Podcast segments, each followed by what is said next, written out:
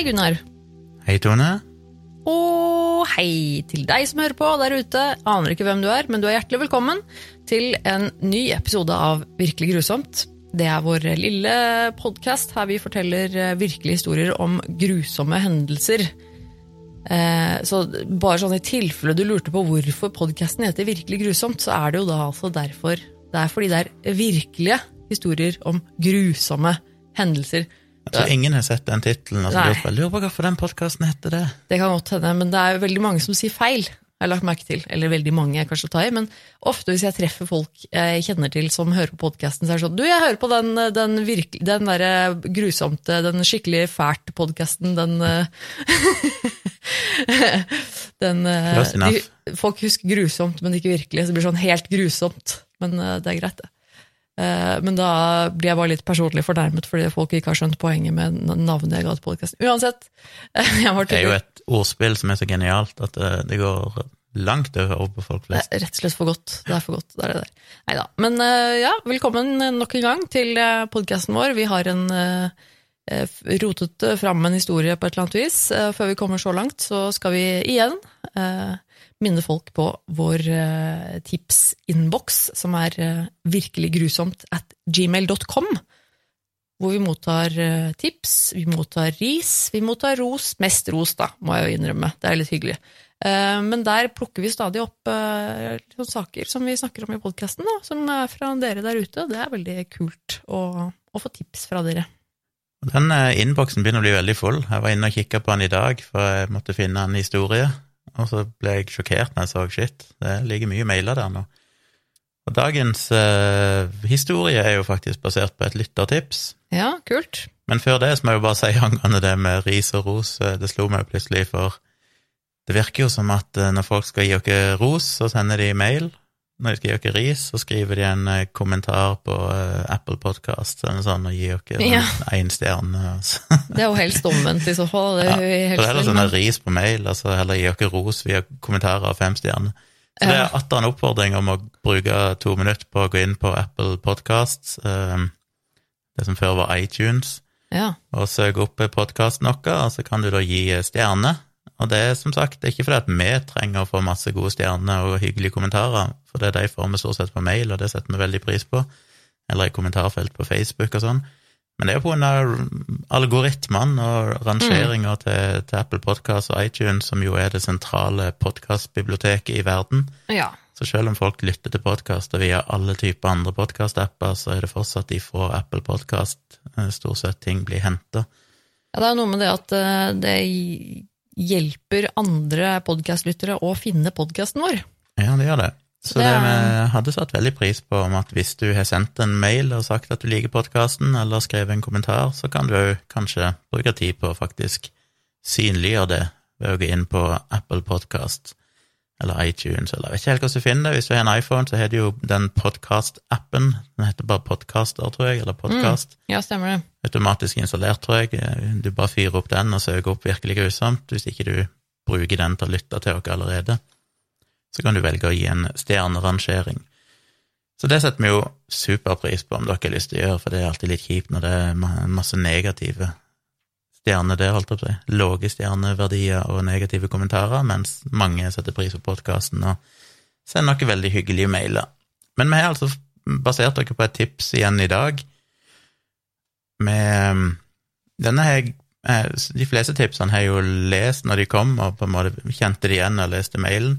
Mm. Den har jeg gått meg bitte grann hus forbi, så når jeg leste mailen, så var det litt sånn Oi, den har jeg faktisk ikke egentlig kikka på, og vi fikk nok den mailen for ganske lenge siden, for han var Eller, det vet jeg ikke, men den var nå iallfall ganske langt ned i, i innboksen. Mm, okay. Ja, for denne historien her tror jeg ikke jeg hadde hørt eh, om i det hele tatt.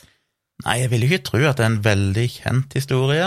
Det er jo, ja, det er jo riktignok Det er jo en stund siden det skjedde, og så Ja. er det jo på en måte ikke en altså Selv om den er litt sånn spesiell, kanskje, så ja, jeg tenker jeg at det er kanskje ikke så rart om jeg ikke har hørt om den, egentlig. Men den er jo ganske spesiell, da. Ja, jeg vil si det. Ja, det skjer jo mye rart her, og ehm, ja, dere har vel sett tittelen på podkasten før dere hører dette, så dere vet jo allerede litt hva vi snakker om. Vi skal tilbake til 60-tallet, og eh, historien er ofte oppkalt etter et skip som heter Bluebell. Ja. Og det er jo kanskje litt rart. Men dette skipet er jo da veldig sentralt. Skal tilbake til 1961. Er det, et, er det et skip? Det er, altså, ja, seilbåt avbryter. er kanskje bedre ord. En Ja, jeg mener ikke å avbryte deg, det er folk som blir veldig hissige på at jeg driver og avbryter deg hele tiden. Men eh, eh, for det er jo ikke et skip, det er, jeg tenker jo vi må se for oss eh, ja, Er det en seilbåt, eller er det en yacht? Eller? En 60 fots seilbåt. Ja. Altså en 18 meter lang seilbåt. Så det er Ja. sånn mellomstor, vanlig sånn privat eh, Ja, for det, ja, seilbåt, det, ja, nettopp. Ja. Ja, for det var, ikke en, det var ikke en yacht heller. Jeg så for meg litt sånn en yacht. Ja. Nei, men det var vel en seilbåt, ja. Ja. Stemmer. Ja. Vi skal til en eh, familie som heter Duperrault. Duperault. Eh, Den 40 år gamle Arthur Duperault, en doktor som jobba som eh, optiker, spesialiserte seg på kontaktlinser, visstnok. Det var jo litt nytt for meg, var det kontaktlinser allerede på 60-tallet, men det På 60 yes, var det det? var det tydeligvis. Ja. Eller kanskje 50-tallet og tidligere, siden dette var i 1961, og han tydeligvis allerede jobba som dette, så han vel holdt på Ja. en stund. Han var, en, eh, han var gift med ei som heter Jean, som var 38 år, og de hadde tre unger sammen. Brian, som var 14, Terry Joe, som var 11, og Renee, som var sju. Han eh, hadde jo lyst å være selvfølgelig snill med familien sin, så han hadde lyst til å få til en, en litt sånn drømmeferie for hele gjengen. De bodde i Wisconsin, og de var litt lei av kalde vintre, så de planla at de ville reise på sånn ukeslangt seilbåtcruise fra Florida til Bahamas. Høres jo veldig deilig ut. Og der, det kjente han litt til, for det er under andre verdenskrig. Han hadde tjenestegjort der, så hadde han blant annet vært på båt der og visste at det var idylliske områder. Og dette planla de ganske lenge, så de sparte penger visstnok i flere år for å ha råd til dette. Åh, Men i sommeren 1961 så hadde de fått nok penger, og de planla da å endelig gjennomføre dette ukeslange cruiset i varme, solfylte omgivelser. Og de jo planla en sånn rute der de skulle ta inn til havn på forskjellige øyer eller forskjellige plasser, og, og gjøre dette til en fantastisk tur, og kanskje til og med utvide det enda lenger hvis de koser seg mer enn ei uke. Så i november 1961 så kom de ned til Fort Lauder- Lauderdale i eh, Florida, mm. og der leide de da denne 60 fots båten som heter Bluebell. Ja, for de leide den, ja. Ja. Ja, stemmer det. Jeg hadde jo sett eh, for meg at den, var, at den var deres egen båt, men det stemmer, de, ja. Mm. De leide han for det som den gang var 515 amerikanske dollar. Mm. Og de leide òg en, en eh, fyr som skulle være skipper på båten, som var 44 år gamle Julian Harvey. Ja. Og det var ikke helt tilfeldig, fordi uh, han kjente han litt ifra før. Altså han her uh, Arthur Duperrault kjente Julian Harvey fra før, for de hadde visstnok tjenestegjort sammen under krigen, andre verdenskrig. Så det var en ja, De bodde jo langt ifra hverandre, så jeg vet ikke hvor mye kontakt de hadde med hverandre, men de var iallfall bekjente. Så de leide han, skulle betale han 100 dollar dagen for at han skulle da være skipper på båten. Og Harvey, Julian Harvey, han hadde da òg med seg sin sjette kone, Sjette kone. ja, som Ja, var ja. 34 år gamle Mary Denay Harvey. Tidligere, eller fødenavnet fødenavn, holdt jeg på å si, var Jordan, etternavn. Hun var med. Så eh, hun skulle være med og, hjelpe til med å lage mat og sånn på båten, så hun skulle gjøre nytte for seg, hun òg. Ja, ikke sant? For nå er det da denne, denne familien med mor og far og tre barn som har da eh, leid en båt med crew, da, på en måte. Altså, de har leid denne, han Harvey, som er kapteinen, som har med seg kona si, for at de skal på en måte styre på båten for familien, på en måte. Var det ikke litt sånn? Jo, det er jo det som er greia. Ja. Eh, så de reiste av gårde onsdag 8. november 1961, og de ble sett at denne båten forlot eh, havna tidlig på ettermiddagen, som er litt rart, for det står i denne artikkelen, mens i flere andre artikler jeg har lest om denne saken, så gjør de et nummer av at de reiste på natta. Ja, det stemmer. Og også det hørte syns også alle det. var så rart, men i denne artikkelen her eh, så skriver de at de reiste tidlig ettermiddag. Og jeg skjønte aldri hva som var greia med at de reiste på natta, hvorfor det var så rart, for det er jo helt irrelevant for historien, så Ja, men, hun, eh, jeg så hun, eh, hun eh, Tara Joe hadde jo liksom sagt at hun, hun, som da er den eldste av de to døtrene, det var jo en, el- eldste barnet var en sønn, og så var det to døtre. Tara Joe var da midterste barnet. Hun hadde jo sagt at hun, hun syntes det var så spennende at de skulle seile på natten. Ja. At de syns liksom at det virket så øh, ja, jeg vet ikke, morsomt eller koselig eller jeg vet ikke. Jeg syns jo det høres dritskummelt ut, men øh, det er kanskje bare meg. Så de neste fire dagene så reiste de som planlagt. eh, Var innom Bimini og Sandy Point, blant annet. Der var de på land, kjøpte suvenirer, de snorkla dykka og hadde det veldig fint. 12. november, altså etter fire dager, så var de innom sin siste havn før de skulle returnere til Florida.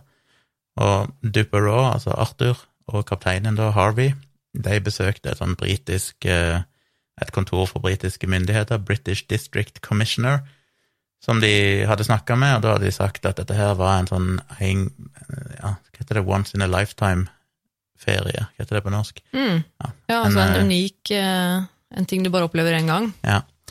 Men de sa jo at de kom til å være tilbake igjen allerede før jul, for dette vil de tydeligvis gjøre mer av. Og på kvelden så satt de på båten, koste seg, spiste en middag med kylling og salat, og ikke så veldig lenge etter middagen så gikk da denne elleve år gamle Terry Joe ned under dekk, ned til sovekabinen, og eh, familien hennes ble igjen oppe på dekk eh, og satt og koste seg rundt bordet, tydeligvis. Ja, for hun ble litt uh, trøtt og skulle gå og legge seg eller noe, var det ikke noe sånt? Hun bare hadde Jo, hun er- seg for å gå og legge seg? Hun var jo ikke den yngste, hadde jo vært den mellomste, men hun gikk iallfall først og la seg i senga. Ja. Neste dag, ca. halv ett på ettermiddagen, altså mandag 13. november, så var det en oljetanker som heter Gulf Lion, og mannskapet der så plutselig en jolle som fløy midt ut på havet, og i den jolla så var det en mann som vinka febrilsk og ropte til dem 'hjelp, jeg har en død baby om bord'. De fikk eh, tak på denne jolla og fikk eh, hjulpet mannen om bord på skipet sitt, og i denne jolla så så de da at eh, liket til en ei veldig ung jente med rødt hår som hadde redningsvest på seg. Men hun var så død. Mannen sa at han het Julian Harvey, så han var skipper på denne seilbåten som heter Bluebell, og så begynte han å forklare hva som egentlig hadde skjedd. Han sa at halv ni kvelden før så hadde plutselig seilbåten blitt truffet av et veldig kraftig vindkast som fikk båten til å mer eller mindre tippe over. Eh, Hovedmasta brakk i to, og det skada visstnok kona hans eh, og han sjøl lite grann. Og så hadde det gått hull på skroget eh, på grunn av at denne masta falt. I tillegg så hadde jo hovedseilet falt ned, og det var masse tau og kjettinger og alt som hadde havna utover, utover båten, som gjorde at det var umulig å, å bevege seg der. Så han fant ut han måtte prøve å få rydde opp i dette, hadde prøvd å få tak på noe verktøy for å kutte alle disse kablene og tauene, men plutselig så brøt det ut en brann, og eh, han klarte ikke å få gjort noen ting eh, med dette. Han eh, sa at han klarte ikke å redde kona si, klarte ikke å redde de andre passasjerene, og endte da opp på denne lille jolla som var, som var en del av den, eller som hang fast på denne seilbåten. Så han sa at han hadde bare måttet evakuere, fortvilt, eh, grusomt, at alle de andre ble drept eh, av dette her. Og kort etterpå så hadde da liket til denne lille jenta, Renee Dupereau, hadde da fløtet forbi han. Han hadde plukka opp dette, prøvd å ja, gi henne førstehjelp, eller gi henne eh, vet ikke, kanskje sånn hjerte-lungeredning, et eller annet sånt, men det var ikke mulig å redde livet hennes. Men han hadde valgt å la liket hennes være i båten sin, bare fordi at han, ja, av respekt for den døde, som jo er naturlig. Jeg ville nok òg tenkt at det er vel fornuftig å ta med seg liket, så det kan bli begravd og sånne ting, heller enn å bare hive det ut i havet igjen, med mindre det hadde stått om eh, mindre det hadde vært problematisk, da. Mm. De fant jo seinere ut, når de undersøkte kroppen til den lille jenta, at hun hadde døyd av drukning. Så det stemte jo. Han ble tatt til Nassau, og eh, der begynte myndighetene å spørre han ut, prøve å finne ut hva det egentlig som hadde skjedd. Han var veldig rolig, som var kanskje litt overraskende med tanke på at eh, ja, noe så dramatisk hadde skjedd. Um, men denne jolla hans, den var, hadde litt sånn overlevelsesutstyr oppi, som kanskje gjorde at det virka litt rart, at han hadde visstnok i sånn desperasjon bare klart å hoppe uti og, og rømt ifra dette synkende skipet som brant. Ja, for det kan jo virke litt Litt suspekt da, at dette har skjedd eh, veldig fort, og at Ja. han har vært desperat, men likevel klart å samle med seg diverse ting for å overleve på havet i denne lille båten. Ja, det virker jo kanskje Ja, At det kan virke litt sånn planlagt. Han hadde tydeligvis tid til å få med seg ting. Ja. Og det gjorde jo at det var folk som var skeptiske til hans versjon av historien, men de, de kunne ikke bevise at han sa noe feil, at det var en løgn. Så han fikk lov å reise tilbake til Miami den 15. november, og der ble han da henta inn av kystvakten, amerikanske kystvakten, som da fortsatte undersøkelsene og intervjuene og prøvde å finne ut mer om hva som hadde skjedd. Ja, for de fant jo ikke Det var ingen som på en måte kunne bekrefte eller avkrefte historien hans, for han var jo den eneste, og det var jo ikke sånn at de fant noe båt eller noen flere folk, Nei. så de hadde jo ikke så mye valg da, annet enn å tro på det han fortalte, sånn sett. Ja, de må jo nesten det. Men tre dager seinere, 16. november, altså tre dager etter at han ble henta opp, eh, så var det plutselig et gresk skip som heter Captain Theo. Eh, Båten heter faktisk Captain Theo. Var det båten som het det? Ja, det ser sånn ut. Og eh, som var ute i Northwest Providence Channel, som er tydeligvis et område ute i havet der. Og der så de plutselig en bitte liten ja, Jeg vet ikke hva jeg skal kalle det engang. Eh, det var en, en sånn lite flåte, egentlig, som var 60 cm brei og halvannen meter lang. Bitte liten, Ikke veldig liksom. stor, altså. Laga av kork, mer eller mindre. Og, og, Og den var hvit. den var hvit, ja. Og på den så var det ei lita jente. Og eh, grunnen til at de fant henne, og det var vanskelig å finne henne, for det etter dette skipet hadde gått ned, etter at Harvey ble redda, så hadde de jo sendt ut fly og sånn, som i flere dager, som cruiset rundt eh, over havet der for å se om de kunne finne noe overlevende i vannet, eller finne spor etter denne seilbåten. Mm. Men de fant ingenting. Og det er jo sånn i ettertid så mener de jo at de fant jo heller ikke denne lille redningsflåta med hun jenta, fordi den var hvit. Og når du ser ned på havet, så ser du alle disse små skumdottene og bølgetoppene som òg er hvite. Mm. Sånn at den skilte seg ikke ut i det hele tatt. Ja, det kan jo være helt uh, umulig å se. Også så liten. Ja, nei. Men på dette greske skipet så var det en, en fyr som heter Nikolaos eh, Spakidakis, som eh, drev og kikka utover havet og så på alle sånne her hvite bølgetoppene, men så la han merke til at en av disse prikkene langt der ute aldri forsvant. De andre bølgetoppene, altså de hvite flekkene, de kom og gikk litt, men den var liksom permanent. Så han sa til kapteinen at «Øy, vi må, vi må ut og sjekke hva dette er, så de eh, styrte rett imot denne, og da fant hun jenta på denne her lille flåta. Hun var, hadde på seg en liten hvit eh, bluse og noen rosa små shorts eller sånne bukser. Mm. Hun satt jo, den var så liten at hun kunne ikke ligge på den eller noen ting, hun måtte mer eller mindre bare sitte oppreist, eh, beina ut i vannet, og de så jo at det var haier i havet der, visstnok så så de haier som på en måte sirkla rundt henne, så de ropte jo til henne at ikke hopp ut i vannet, liksom bare bli i denne flåta, Mm. eh, fram til vi får redda deg, og de klarte da å få, få redde henne og løfte henne opp i, i skipet sitt, og der la de jo inn i en, en ledig, um, heter det kabin på norsk? Nei, det tror ikke det. Lite, ja, lite soverom, da. Jo, det er jo kabin. Ja, Ja. kanskje. Og der var jo hun i veldig dårlig tilstand. Hun var eh, mer eller mindre ganske fjern. Hun snakka usammenhengende i den grad hun klarte å snakke i det hele tatt. Mm. Tenk at hun har vært på sjøen, da fant de ut i nesten fire døgn. Hadde hun seilt rundt på denne lille redningsflåta, eller hva du skal kalle det. Uten, uten noe tildekning, Uten altså uten vann, Uten- uten, mat, Ja. uten Altså, det er i nesten fire dager. Det er, det er drøyt å overleve det. Og det er jo bilder av henne og sånn som jeg skal dele, men eh, de som har lest historier tidligere, eller hørt historier om folk som har overlevd lenge på havet, så er det jo altså det å ja, både bli utsatt for konstant sol, Ja. og det å få saltvann og ikke ha tilførsel av væske, så blir Mm. du veldig oppsvulma, og leppene er jo kjempestore, oppsvulma, sprukket. Ikke noe fint syn, men de ga henne vann, og de ga henne appelsinjuice, og de prøvde å liksom vaske kroppen hennes eh, for salt, få vekk alt det tørka saltet som er på kroppen Uff. med, med blaute håndklær, og de smørte inn leppene hennes med vaselin for å hjelpe henne. Så hun klarte så vidt, da, med en veldig hes stemme, å identifisere seg sjøl som den elleve år gamle Terry Joe Dupperalt, og sa at hun da hadde vært på denne flåta i flere dager fordi at den, den, den båten hun var på, hadde sunket. Men hun ble egentlig bare dårligere og dårligere, klarte til slutt ikke å snakke mer, klarte bare så vidt å gestikulere veldig svakt når hun skulle svare på spørsmål, og så havna hun egentlig i en sånn hun besvimte eller havna i en sånn halvveis komatøs tilstand. Mm. Eh, De tok ikke med seg denne lille flåta, som hun satt på, for det hadde de ikke mulighet til, men seinere så fant Kystvakten denne og fikk henta den opp. Og når de fant den, så var han jo nesten falt ifra hverandre. Når de prøvde å ta den opp, så gikk han mer eller mindre i oppløsning. Så det var vel i siste liten sånn sett at hun ble redda, for den hadde ikke vart mye lenger. Nei, det hadde jo ikke hun heller. Hun var jo nesten Nei, død. ja, Altså, hun var jo altså, helt på kanten da de hentet henne opp fra den lille flåta, stakkar. Du overlever ikke mange dager uten vann, og hun hadde allerede da gått fire dager. Det er jo er- egentlig grenser for hvor lenge du kan overleve uten vann. Ja, det er jo helt utrolig.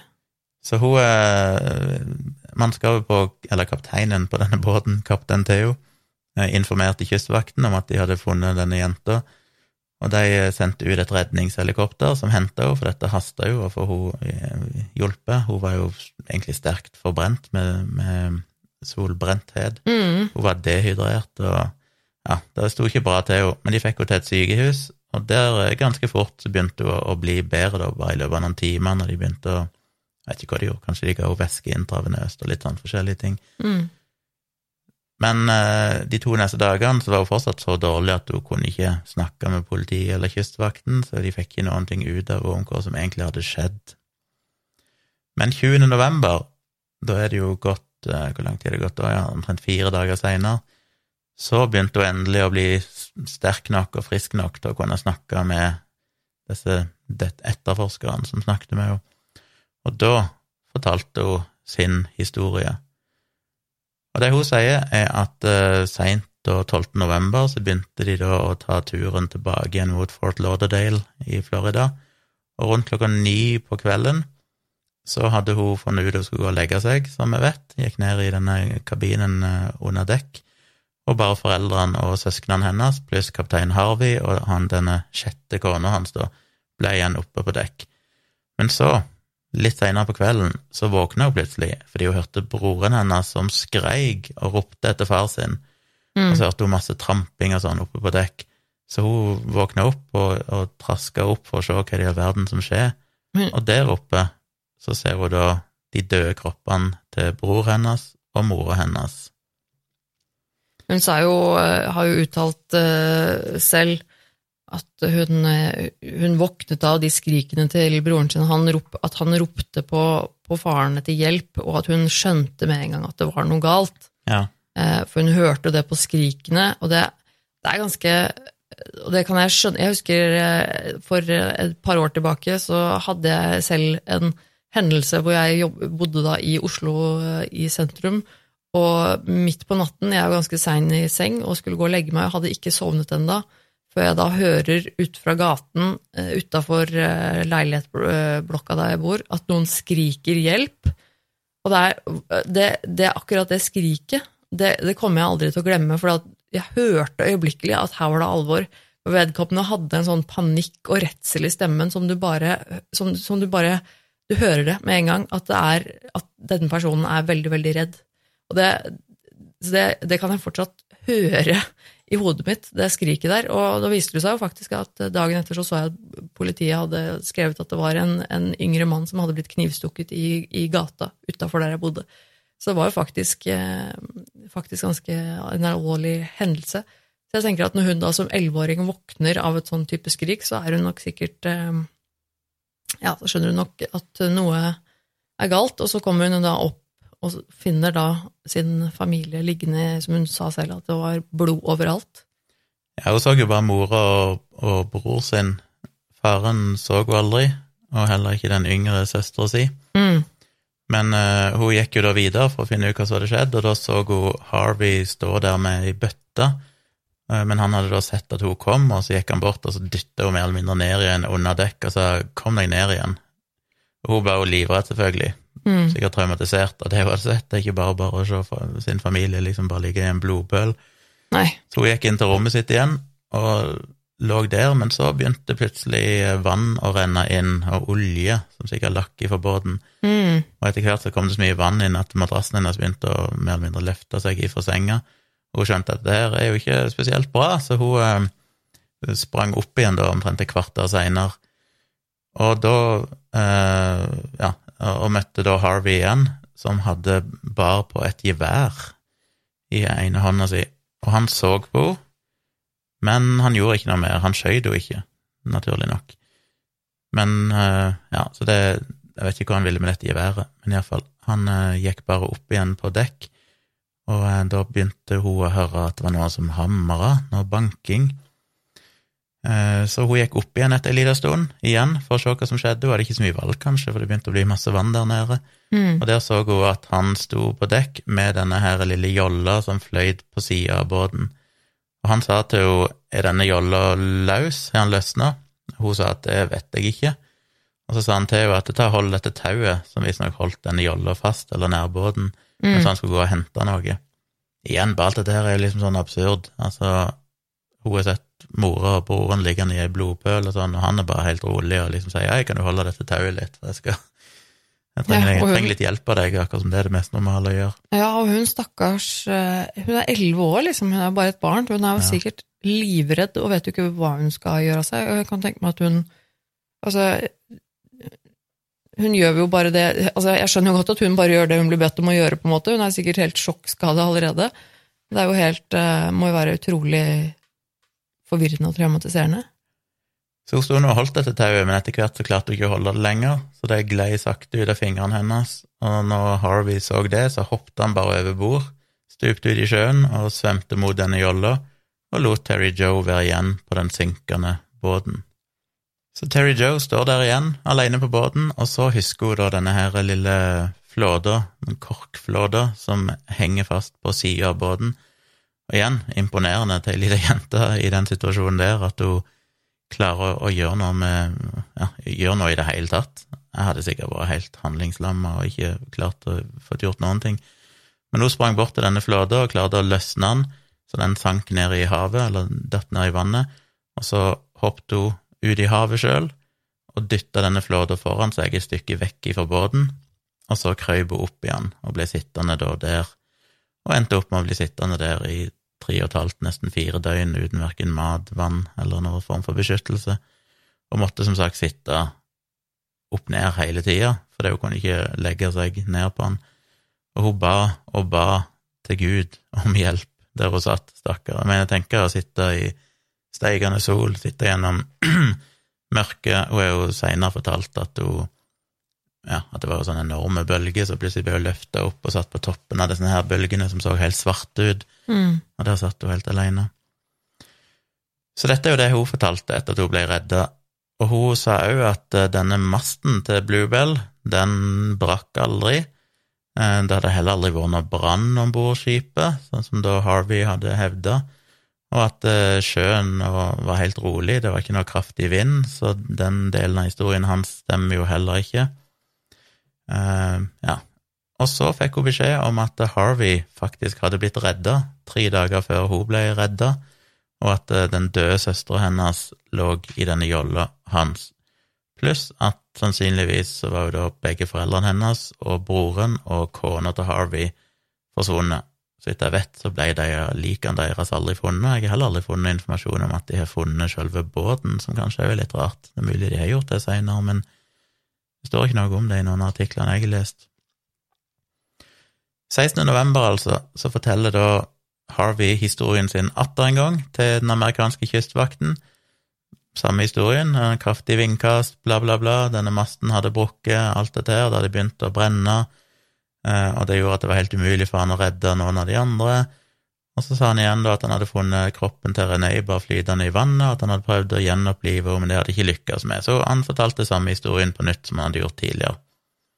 Men så, dagen etterpå, 17. november, så var han igjen inne til avhør og satt og, ble eh, intervjua av disse etterforskerne. Så kommer det noen inn og forteller at øy, vi har faktisk redda ei jente, vi har redda Terry Joe. Hun ble funnet på denne flåta dagen før, og hun ble i stadig bedre form, ble friskere og friskere. Og Harvey svarte da, eller responderte da med Oh my God, og så sa han, til, sa han etterpå Isn't that wonderful?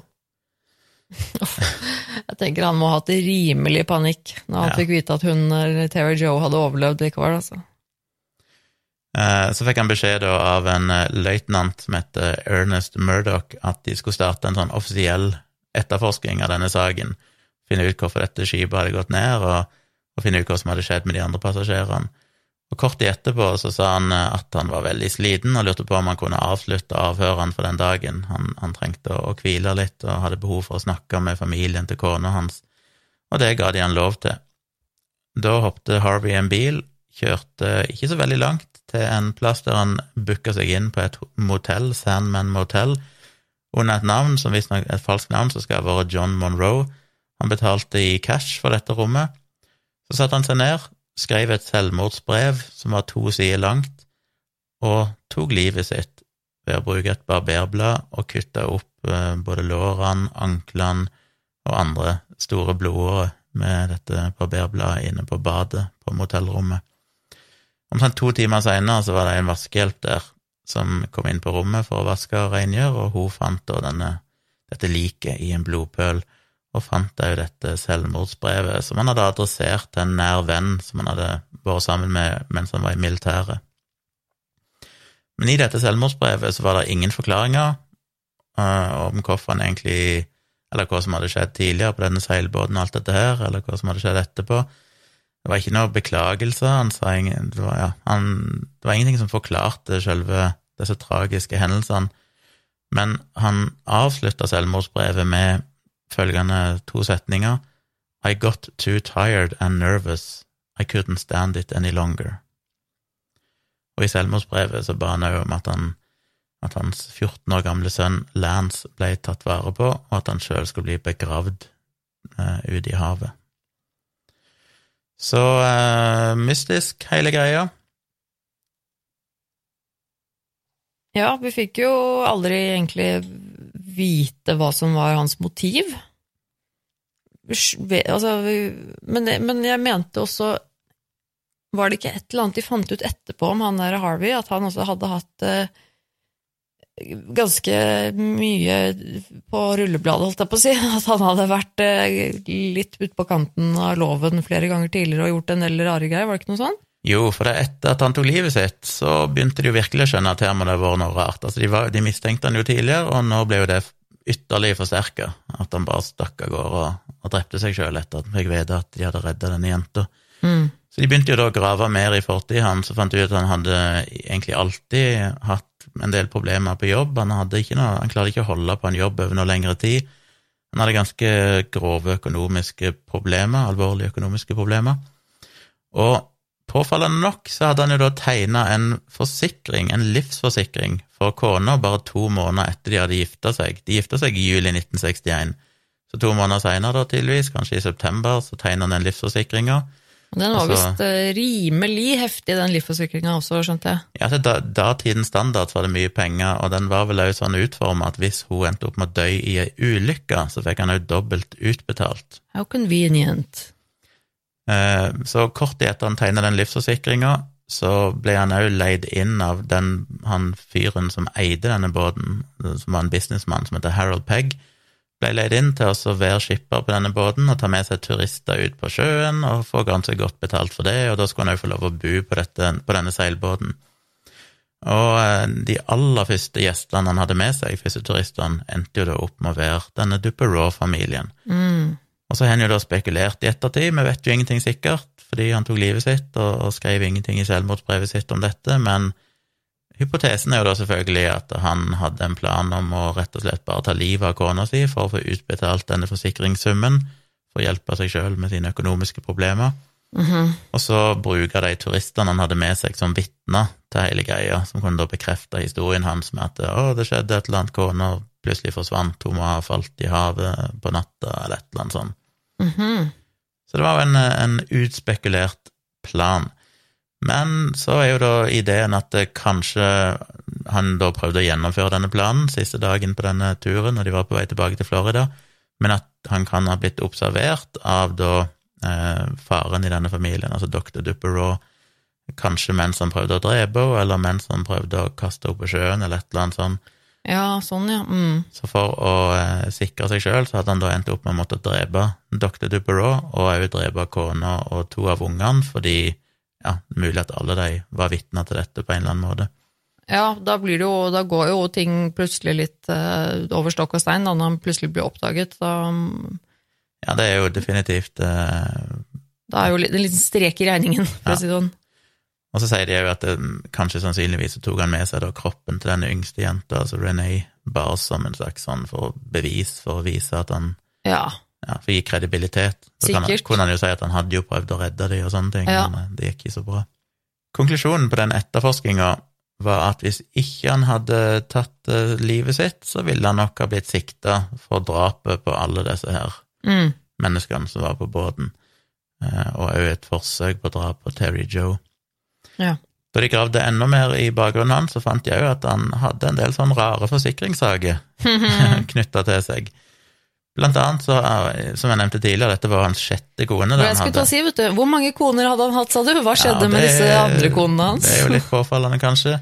Uff. Han hadde overlevd i 1949 en bilulykke som hadde tatt livet av hans andre kone, var det visstnok, Mm. og mora hennes.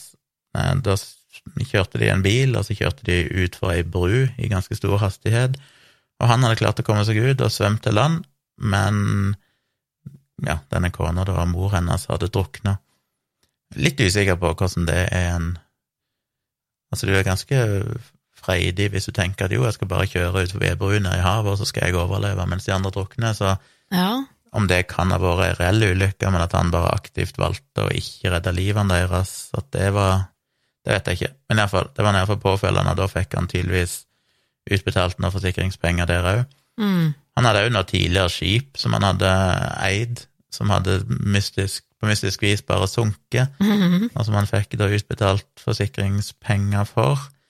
Så det var en del sånne saker tidligere som var, var bare veldig rart. Altså det var flere skip som hadde sunket, som Ja, altså- fikk penger for. Det er jo helt utrolig at han da bare får At ikke, at ikke det går en bjelle et eller annet sted i disse forsikringsselskapene. Vent nå, Hvor mange livsforsikringer har han casha ut? Hvor mange forsikringer på disse båtene har han casha ut? Men han har sikkert bodd mange forskjellige plasser i USA, Helt og det er klart de har ingenting med hverandre å gjøre, så Og det er dette er jo det. Nei, og det er jo lenge siden sant, dette her, så det er klart at hvis det hadde vært i moderne tid, så tror jeg neppe han hadde klart å komme så Ja.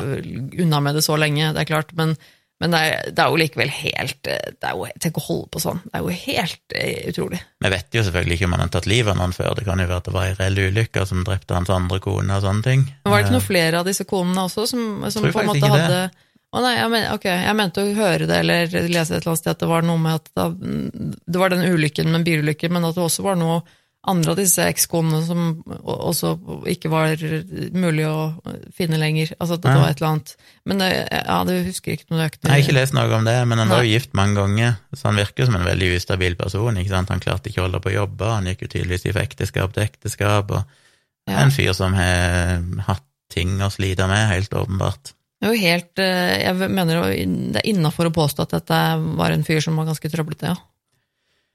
Eh, ja, så det var jo på en måte slutten på historien, for at selv om de gravde i forhistorien hans og fant ut at her var det mye rusk, så er det ikke så mye de fikk gjort med det, for han var jo død Mm. allerede. Mm. Men de konkluderte jo bare med at han mest sannsynlig drepte hele gjengen. Eh, Terry Joe, etter at hun ble frisk, så reiste hun hjem igjen der hun kom ifra, og bodde sammen med bestemor si og noen kusiner og noe sånt. Mm. Ble vel også egentlig adoptert av eh, tante og onkelen sin, tror jeg, etter hvert, Ja. som tok vare på henne og ble hennes nye foreldre. Hun har jo sagt i senere tid at hun ser på dem som, som sine foreldre. Ja, Men hun har holdt veldig tett om denne historien. Dette her skjedde jo i 1961, og på det tidspunktet så var det kanskje ikke så mye hjelp å få heller. Hun fikk visstnok aldri noe, ja, noe sånn eh, oppfølging, hva heter det, krisehjelp i ettertid av dette her. Nei, det var kanskje ikke så vanlig den gangen, nei. Og hun snakka ikke offentlig om dette i det hele tatt, før eh, det var gått iallfall 20 år før vi i det hele tatt åpna munnen om denne saken. Hun endte opp med å gifte seg, fikk tre unger, og valgte å bo nær sjøen, og i et intervju jeg så eh, et videoklipp av, så sa hun at helt fram til hun var 35 år, så reiste hun jevnlig ut til havna eller til stranda og sto og så utover havet, fordi Mm. hun hadde en sånn idé om at eh, hun kom til å finne faren sin, fordi Ja. hun så jo aldri faren bli Nei. drept eller være drept. Og jeg ble så, så hjerteknust da jeg liksom Ja. hørte henne fortelle det, at hun hele tiden på en måte søkte til havet og dro, dro til havet og kunne bare stå og se utover stranden og på en måte øh, ha en slags tanke om at øh, jo, men tenk om, tenk om pappa fortsatt lever, tenk om han overlevde. Og det er Ja, bare så hun hadde jo en idé om at han kanskje var i live fortsatt. Ja, og at hun ikke klarte å liksom gi slipp på den tanken liksom før hun var i midten av 30-åra. At det var først da hun måtte liksom innrømme for seg selv at jo, men han, han er ikke levende lenger. Og det er bare så off. Hun, eh, hun snakka som sagt lite om dette, eh, så ingen visste så mye om hva som skjedde, før hun i, egentlig i 2010 så hadde hun en ny ektemann som heter Jeg Hun skifta jo navn, forresten, til, til Terry Joe istedenfor Terry Joe, bare fordi hun ville ikke bli oppsøkt av folk. Mm. Ville ikke at folk skulle finne henne, og hadde ikke lyst til å snakke om dette. Men hun gifta seg med en fyr som hjalp henne med å skrive en, ei bok, egentlig en slags selvbiografi, eller memoarene sine om det som hadde skjedd, som heter Alone, Orphaned on the Ocean. Eh, fikk jeg jo hjelp av en psykolog eh, som skrev denne boka. Og der fortalte hun egentlig for første gang alt som hadde skjedd, ifra hennes eh, synspunkt, iallfall. Så eh, så har det vært spekulert i, som du var inne på litt, hvorfor drepte ikke Harvey Terry Joe i det hele tatt? Han hadde jo mange muligheter til det. Ja, han sto selv med og sikta på henne med et våpen og skulle Ja. til å skyte henne, men valgte å la være. Men han, eh, teorien er vel bare det at skipet var synkende. Hun var ei elleve år gammel jente alene på et synkende skip. Han så vel egentlig på det som at hun var mer eller mindre død allerede. Ja, og hvis han var litt eh, opptatt med å liksom eh, samle sammen litt ting på denne båten jolla han skulle stikke av med, og så var han liksom å, kanskje jeg bare kan utnytte at hun står her nå og kan holde det tauet for meg mens jeg bare er litt opptatt med dette, og så kan jeg bare stikke av, og og så går hun ned med båten, hun. Jeg skjønner jo godt at han tenkte det, at, at en elleveårig jente helt i sjokk skulle klare å overleve. Det der, det var jo helt utrolig. Så jeg skjønner jo godt at han tenkte at nei, hun er jo fucket, liksom. Hun, hun kommer jo til å daue uansett. Ja, så er det jo spekulert i at det var litt sånn han ikke hadde noe valg, for når hun mista tauet, og denne jolla plutselig begynte å flyte vekk, så måtte jo han bare stupe ut i sjøen for å komme seg opp i den, og at det kanskje gjorde at han aldri rakk å drepe henne. Kan være Ja, han det kan være han ville ha drept henne før han forlot båten, hvis Ja, han hadde kanskje. tid til det. Men, Ja. men det vet vi ikke. Eh, 49 år etter dette skjedde, så jeg vil jo anta at det kanskje var i 2020, så gjorde hun sitt første sånn offentlige intervju om denne saken. Det er jo litt imponerende, da. Venta i 50 år til hun egentlig var blitt en ja, var blitt eh, over 60 år gammel. Men det sier jo også en del om eh, hvor utrolig hardt og vondt det må ha vært for henne å prate om det i alle år, da. Mm. Hun har i hvert fall sagt offentlig at eh, hun har jo den hypotesen da om at han hadde tenkt å drepe kona si, hevde at hun bare var forsvunnet på sjøen, bruke de som vitner, Mm. men at da sannsynligvis foreldrene hennes eller noen så hva som skjedde, og at han endte opp med å måtte drepe dem. Mm. Så etterspillet her er vel egentlig bare at hun har jo vært veldig igjen, som jeg sa. Det er merkelig at hun var så tøff helt ifra hun var liten, ikke ville snakke om dette. Men uh, hennes tanke rundt dette var bare at hun ville ikke oppleve Hun ville ikke bli sett på som et offer, hun ville ikke få noe sympati. Hun hata ideen om at noen skulle si liksom 'Å, se på den stakkars lille jenta', Ja. men heller tenke at uh, hun har gått videre med livet sitt. Det har egentlig gått bra med henne. Ja. Og hun mener at hvis det kan inspirere noen, noen andre, hvis bare én person blir inspirert til å liksom gå videre i livet på tross av en forferdelig tragedie, så vil hele greia ha vært verdt det for hennes del, sier hun. Og samtidig så har hun jo også sagt at hun har jo hatt det trøblete i livet sitt, uten at hun ville gå inn Ja. på noe, noe inn på det, men hun sa jo det at, eh, at det det er jo som forventet av en person som hadde opplevd det hun hadde opplevd det, så hadde hun jo hatt sine ting hun hadde slitt med opp gjennom åra, det som jo- og det er jo veldig, veldig forventet. Men eh, jeg må si det er helt eh, Altså, jeg, jeg klarer liksom ikke å forestille meg engang hvordan det må ha vært for, for henne. Jeg mener, når du er elleve år, da er du så da er du på en måte du er så liten at du er et barn og hjelpeløs, men likevel såpass gammel at du husker det, liksom. Mm. Du er såpass voksen og utviklet i hodet ditt at, dette er liksom, at det gjør et inntrykk på deg. Da. Jeg tenker at ah, det må ha vært Nei, jeg klarer ikke helt å se for meg engang En ting er liksom først det der sjokket du våkner til familien din som plutselig er drept, og det er blod overalt, og en fyr som er der, og som skal stikke av, og så plutselig er du aleine, og båt synker Altså, det må være helt sinnssykt. Og så er det jo det etterpå å klare å holde seg i live på denne lille fliken av en flåte i Mm. fire dager ute på sjøen, og, det er liksom, og du er helt alene midt ute på sjøen. Det er ikke en båt, det er ikke land i sikte, det er bare vann, og det er vet du, det er, er helt eh, det, må- det må være Ja. Nei, det er Ja. Ja, det er en ganske fantastisk historie. Det er liksom så mye oppi her. Det ene er at hun blir ja, hele greia med bare det med å overleve på havet på ei lita flåte, når Ja. du i tillegg er ei lita jente, er jo spennende nok. Ja. Eh, Men òg det at da har sett dette drapene skje, at det sannsynligvis var en forsikringssvindel forsøk på det, som òg sier litt om hvor kynisk denne Harvey må ha vært. Ja. Du finner da din sjette kone, gifter deg med henne i juli, tar ut livsforsikring på henne to måneder seinere og planlegger å drepe henne eh, ja, kaldt, to altså. måneder etter det, så fire måneder etter du gifter deg, så skal du bare drepe henne for å få penger. Det er helt sykt. Det er ganske um, interessant. Og òg hele det der dramaet med at han blir redda først, og så forteller han en fake historie, Ja. og så Og så opplever han det verste som kunne skjedd, Ja. han at oi, shit, det var ei som overlevde, det er Tenk deg det sjokket han får i trynet. Bare jo, hun har overlevd. Vi plukket henne opp fra havet. Hun lever.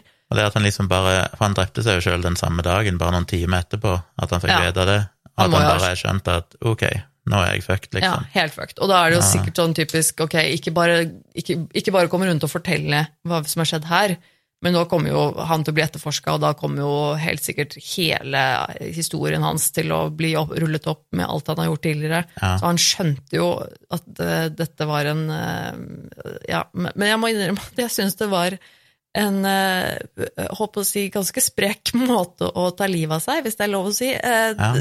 Det å ta livet av seg ved å kutte opp seg selv i, liksom, i låra og anklene og liksom bare blø kutte alle de i store hjel. blodårene i kroppen. Ja, altså, for det første så det, å kutte seg selv så alvorlig, det, det, da skal du ha, ganske både krefter og guts, men, men, eh, men i lår, altså, altså hovedpulsåren i låret sitter langt inne i låret, altså. Det er ikke sånn at den sitter rett under hodet. Da må du skikkelig liksom kutte Altså, i samme liksom, i armene og altså, bare finne, altså, Det er ganske heftig. Tenk hvor grusomt det han må å ha hatt dø det. med å ligge og blø i hjel, det er jo, Ja, tror jeg, er en av de verste måtene fort, du kan men, eh, Ja, gjør det egentlig det?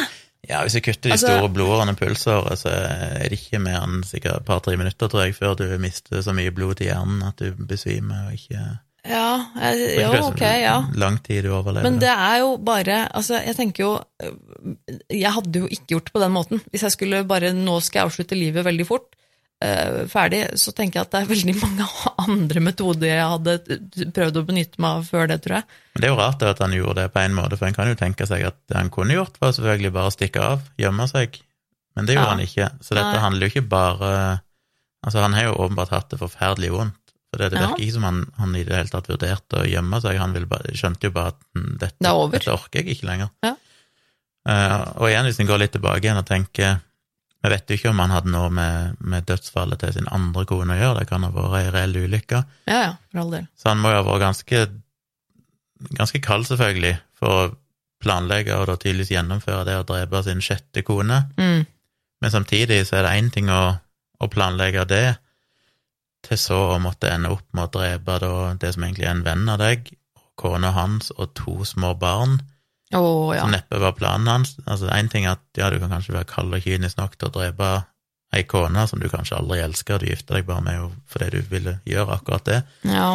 Eh, Men så ender opp med å måtte drepe mange, mange flere, inklusiv små barn, og så da bli redda, og så leve med dette. Så det, altså han skrev jo i dette selvmordsbrevet at han ble for utslitt og nervøs, og han Mm. orka rett og slett ikke dette lenger. Det var det han Mm. skrev i selvmordsbrevet, så dette har jo bare vært helt jævlig for hans del, helt åpenbart. Det er ikke- sånn at han, han ikke er som en av disse seriemorderne vi snakka om tidligere, som bare nyter å drepe folk, eller ikke har noen ja, noe empati overfor ofrene sine. Han har nok syntes at dette var ganske så jævlig. Og det med at eh, han eh, For hvis ja. ikke, så hadde han jo kanskje bare prøvd å rømme Ja. overlevd, men det var ikke det som var greia, at han var redd for å bli tatt, kanskje primært. Det var jo både det, men òg at han bare ikke klarte å leve med hele situasjonen lenger. Ja, for det er jo tydelig at han var veldig fortvila. Som du sier, han tok jo livet av seg og skrev det også, at han, at han var Han orket ikke å tenke på det mer og leve med det og være nervøs og, og, og på en måte leve med det og Ja, det, det, det kan man jo skjønne, og det er også noe med det at hvis det her faktisk hvis det var faktisk det som skjedde, da, det som er teorien her, at han på en måte da kanskje i utgangspunktet skulle ta livet av kona si, men ikke egentlig hadde tenkt å ta livet av denne familien, så kan jeg tenke meg at eh, det å da plutselig stå i en situasjon hvor du eh, føler at du er nødt til å da drepe ikke bare disse to foreldrene, men også, som du sier, disse barna, det, det er nok eh, ganske hardt og, og, heftig å gå gjennom, vil jeg tro, ja. Og jeg vet ikke, jeg tenker liksom det litt, Men det er litt sånn rart, fordi jeg Eller jeg syns jo han er litt sånn, som du sier, det er fascinerende, for det, han, det er jo tydelig at han, han, hadde jo samvittighet på et eller annet nivå her. Han hadde jo følelser for det han hadde gjort, på en måte. Det, det er jo ganske tydelig eh, av det han At han tok livet av seg, og det han skrev i brev og sånn, at dette her kan jo tyde på at dette her ikke var planen hans, at han mm. måtte gjøre det, at det var ganske heftig for han. Eh, men så kan jo likevel noe tyde på at han eh, har ja, nå vet vi jo ikke sikkert selvfølgelig om han har hatt noe med det med mord eller dødsfall av kone tidligere og sånn. Det vet vi jo selvfølgelig ikke, men, um, men da tenker jeg sånn at ok, men du jo Du skulle drepe kona di, mest sannsynlig. Du kan ha drept en tidligere kone før, eller i hvert fall ha vært med på det, muligens, eller et eller annet. Du skal jo være ganske ganske kald for å gjøre det. Så, men det er liksom noe med likevel at uh, En ting er å drepe noen du har plan... Altså, nå snakker jeg som om jeg veit dette. Dette vet jeg så godt. Nei, jeg gjør ikke det. Men uh, det en ting er jo å drepe noen du på en måte har planlagt å drepe, men når du plutselig, og da, for da tenker jeg at da kan du på en måte forberede deg på det, og han hadde jo sikkert planlagt dette veldig nøye, mm. det der med kona og sånn i så fall og visste at liksom, ok, men det er hun, det skal være sånn og sånn, og da kan jeg fikse problemene mine, og så er det på en måte en eller annen rar logikk i hodet hans da, med at liksom, hvis hun dør og jeg får de pengene, så ordner livet mitt seg, på en måte. Og da øh, plutselig blir satt i den situasjonen hvor du da helt mister kontrollen og faktisk blir nødt til å ta livet av en hel familie, inkludert barn. Um, jeg kan tenke meg at det, at det nok um, kan oppleves helt annerledes enn å bare gåseøynene bare drepe kona si planlagt. Ja, og så kan en jo selvfølgelig spekulere i hvordan kan det gå så galt, på en måte. Eh, da er det jo viktig å huske på at han var jo en uh, krigsveteran. Han hadde jo mm. tjenestegjort under andre verdenskrig, han hadde òg vært pilot under Koreakrigen.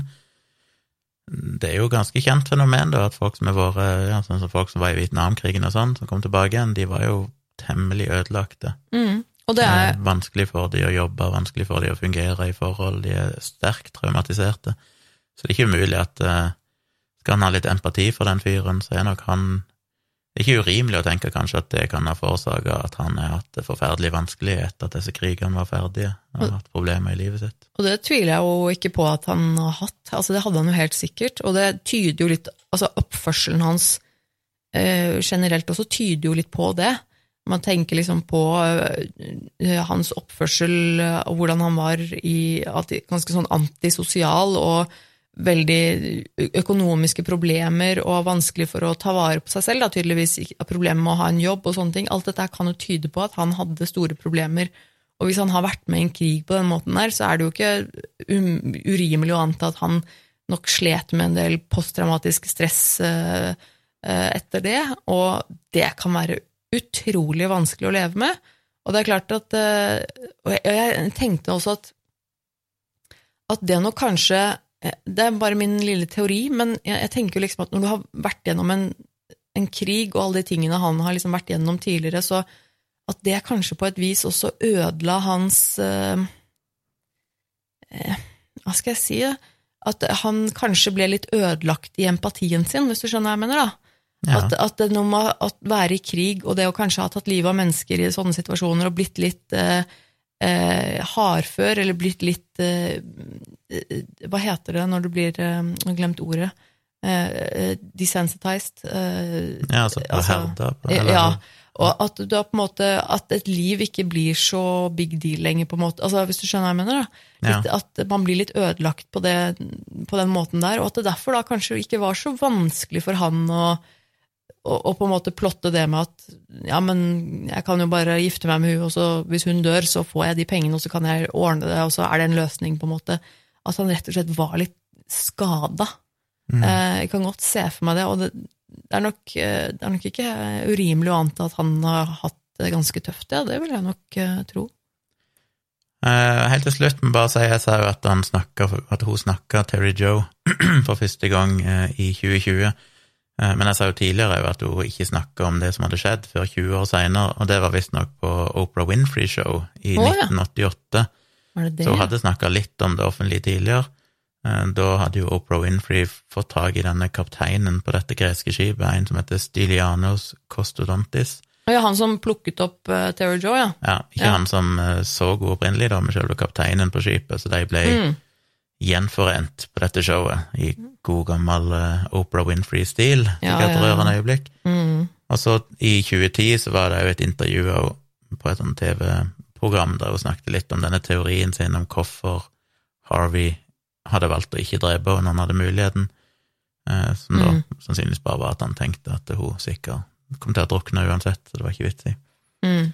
Eh, Og så da igjen i 2020 i et TV-show med, med han Matt Lauer, der hun egentlig fortalte historien sin i nyere tid i sin helhet. Så eh, ja, så det finnes jo YouTube-klipp og sånn rundt forbi, og det finnes en del bilder, og vi lenker jo til det inne på i shownotes-episoden, og er Ja. på Facebook-posten vår, på Facebook-sida vår, som heter Virkelig grusomt podkast. Ja, gå finn oss på Facebook og, og like siden vår, så kan du få litt, eh, dyk, dykke litt dypere ned i sakene våre der. Så skal vi jo prøve å gi dette en rangering på grusomhetsskalaen, det er jo kanskje jo ikke det. så lett, men Vi, vi må jo det. Det er den jo det. faste Vi forplikter dere til det. Ehm, det- eh, Ja um, Jeg syns jo dette er eh, Dette er jo veldig, selvfølgelig veldig tragisk, selvfølgelig, eh, fordi at det er mennesker som blir drept. Eh, Men også syns jeg på mange måter skjebnen til denne Harvey er ganske tragisk. Og selvfølgelig, Tara Joe har jo også vokst opp med helt sikkert ganske store traumer og, og, og mye, mye drit i etterkant av det her. Eh, Men det er liksom likevel en, Det er jo en slags solskinnshistorie, på en måte, oppi der. En lite, lite gløtt av sol gjennom skylaget der. Nettopp det med at hun da klarer å overleve og, og har levd et liv etter det. Og det er jo helt utrolig. Um, så det er klart, det trekker jo ned på skalaen, vil jeg si. Men eh, nei, jeg må jo bare gå litt sånn på følelsen, og etter alt vi har sagt om før og alt sånn, det jeg vet ikke, kanskje fire? Ja.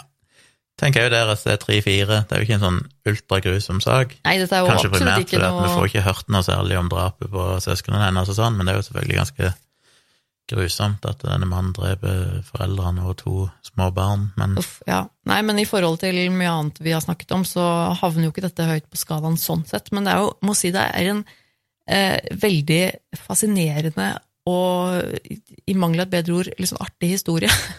Ja, for det er jo en sånn historie der hvis ikke det hadde skjedd i virkeligheten, og noen hadde kommet med denne ideen, så hadde det virket litt sånn ja, det er for godt til å være sant. Ja, for det hadde Alt vært dette et skjer, og så tilfeldigvis overlever hun på en bitte liten korkflåt, liksom, sånn at hun kan fortelle den egentlige Ja, historien. Det Hvis du sånn, hadde sett dette på en, en film, så hadde det vært litt sånn Ja. Mm. klisjé. Det er litt sånn, nei, dette her blir for dumt. Men dette skjedde jo virkelig, så det er liksom så drøyt at Ja, det- uh, i gåsehud stakkar Harvey. Nå etter alt dette her, her, så skulle liksom hun klare å overleve på denne bitte lille flåten og bare fucke opp hele planen hans. Ja, nei, det, det er ganske, ganske Ja, det er en bra historie, altså. Det, Mm. det må jeg si. Så takk for det tipset. Det er du som sendte inn det. Ja, Fortsett å sende dere tips på uh, virkeliggrusomt etter gmail.com. Igjen, som jeg bare nevner, ikke fordi jeg ikke er takknemlig for alle tips vi får, men jeg får i ny og ne så drypper det inn tips via Instagram og sånn, og de er vanskelig å holde styr på. Vi liker å få alt på ett sted, for da Ja, har vi tilgang begge to mail. også. Hvis du hører dette og har sendt tips til meg eller Tone på Instagram eller Twitter eller noe sånt, så ta deg gjerne bryet til å sende en mail til virkeliggrusomt at gmail.com, for da er det større sjanse for at den blir tatt med. For ting som kommer på Instagram og sånn, det er en som bare blir glemt vekk. Det havner liksom ikke i arkivet. Mm. Så det, men takknemlig uansett for at dere selvfølgelig engasjerer dere. Skriv gjerne dere egen grusomhetsrangering inne på Facebook-posten når den posten dukker opp eh, ja, i løpet av mandagen. Det syns vi jo er veldig gøy å høre hva dere vil rangere den. Vi har fått mer og mer kommentarer i det siste, og det syns jeg er utrolig gøy å lese hva dere skriver om disse sakene. Ja, det er det. Så fortsett med det. Men da eh, hadde vi ikke mer. Jeg tror vi da er tilbake igjen om ei uke med en ny grusom historie. Ja, vi satser vel på det. Mm. Så takk for at du hørte på så langt. Husk å tipse en venn om denne podkasten. Og så høres vi igjen om ei uke. Ha det.